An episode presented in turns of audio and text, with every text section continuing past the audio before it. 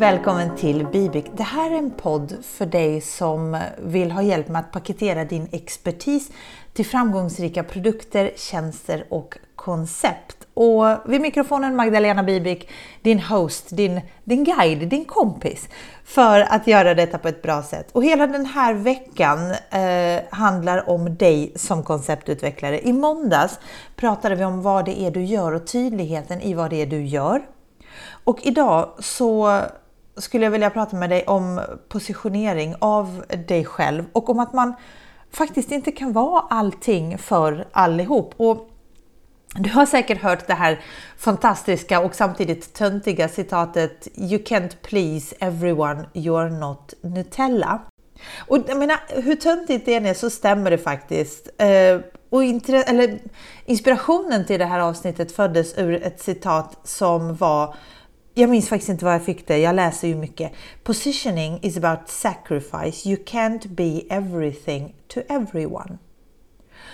Och man skulle kunna få eh, argumentation med att ja, men man kan få allt. Jag tror faktiskt att man kan få allt här i livet eh, i termer av jobb, eh, fritid, hobbys, familj, allt vad du nu vill. Däremot så har jag svårt att tänka mig att man kan vara allt för alla kunder professionellt. Och jag pratade i måndags om den här bekanten jag har eh, som jag inte riktigt vet vad hon gör. Jag upplever att hon liksom gör allt.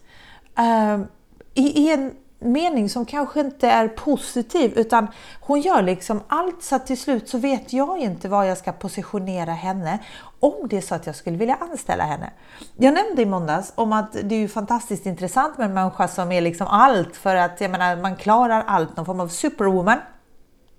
Men det blir svårt att positionera eh, den personens expertis för att kunna eh, ta in henne eller honom på ett uppdrag eller en anställning för att kunna köpa. För att om man inte då positionerar, då finns det också en risk att en, en förutfattad mening att då kanske man inte är bäst på det man positionerar sig inom utan om man, om man är allt för alla så kanske man inte har tillräckliga kunskaper för att bli spetsen. Och detta hände mig och har du följt mig länge så tror jag säkert att du har hört den storyn. Men för länge sedan, 2013, så drev jag en, ett café.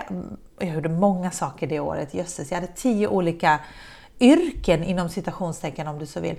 Um, och så kommer jag ihåg att en bekant kom in till det här kaféet och sa, uh, jag, jag var lite stolt, jag berättade eh, om alla mina projekt och så sa han så här att ah, men om du gör allt det där då betyder det att du inte är bra på något. Och det har hängt med mig ända tills jag tog bort allting annat till förmån för en nisch. Och det är, det, vi, det är därför vi är här, för nischen är att hjälpa människor att paketera sin kunskap till framgångsrika produkter, tjänster och koncept. Det som man vinner på att positionera sig, det är att du har möjlighet att bli synlig för de kunderna du verkligen vill ha.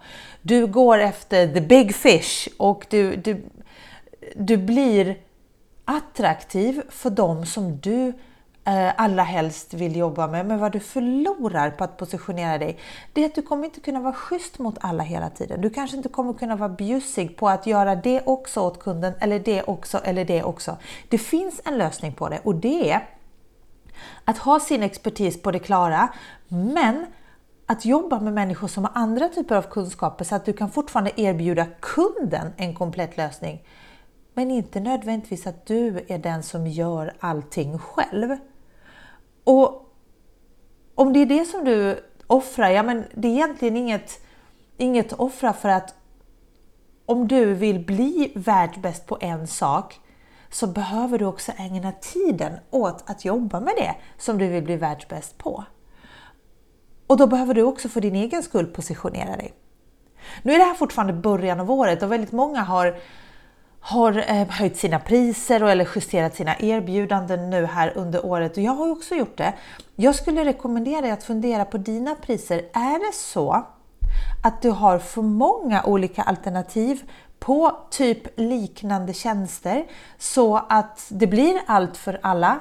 Skulle du kunna göra om det på något vis? Och nu menar jag inte gör som jag, men jag har valt att ha, att ha det ganska så inte superbilligt men inte superdyrt, men ligga i någon form av mid-price tier för mina um, one-on-one tjänster eller gruppworkshops där jag är delaktig. Och sen så har jag ett mycket billigare alternativ i mina onlineutbildningar där jag inte är delaktig.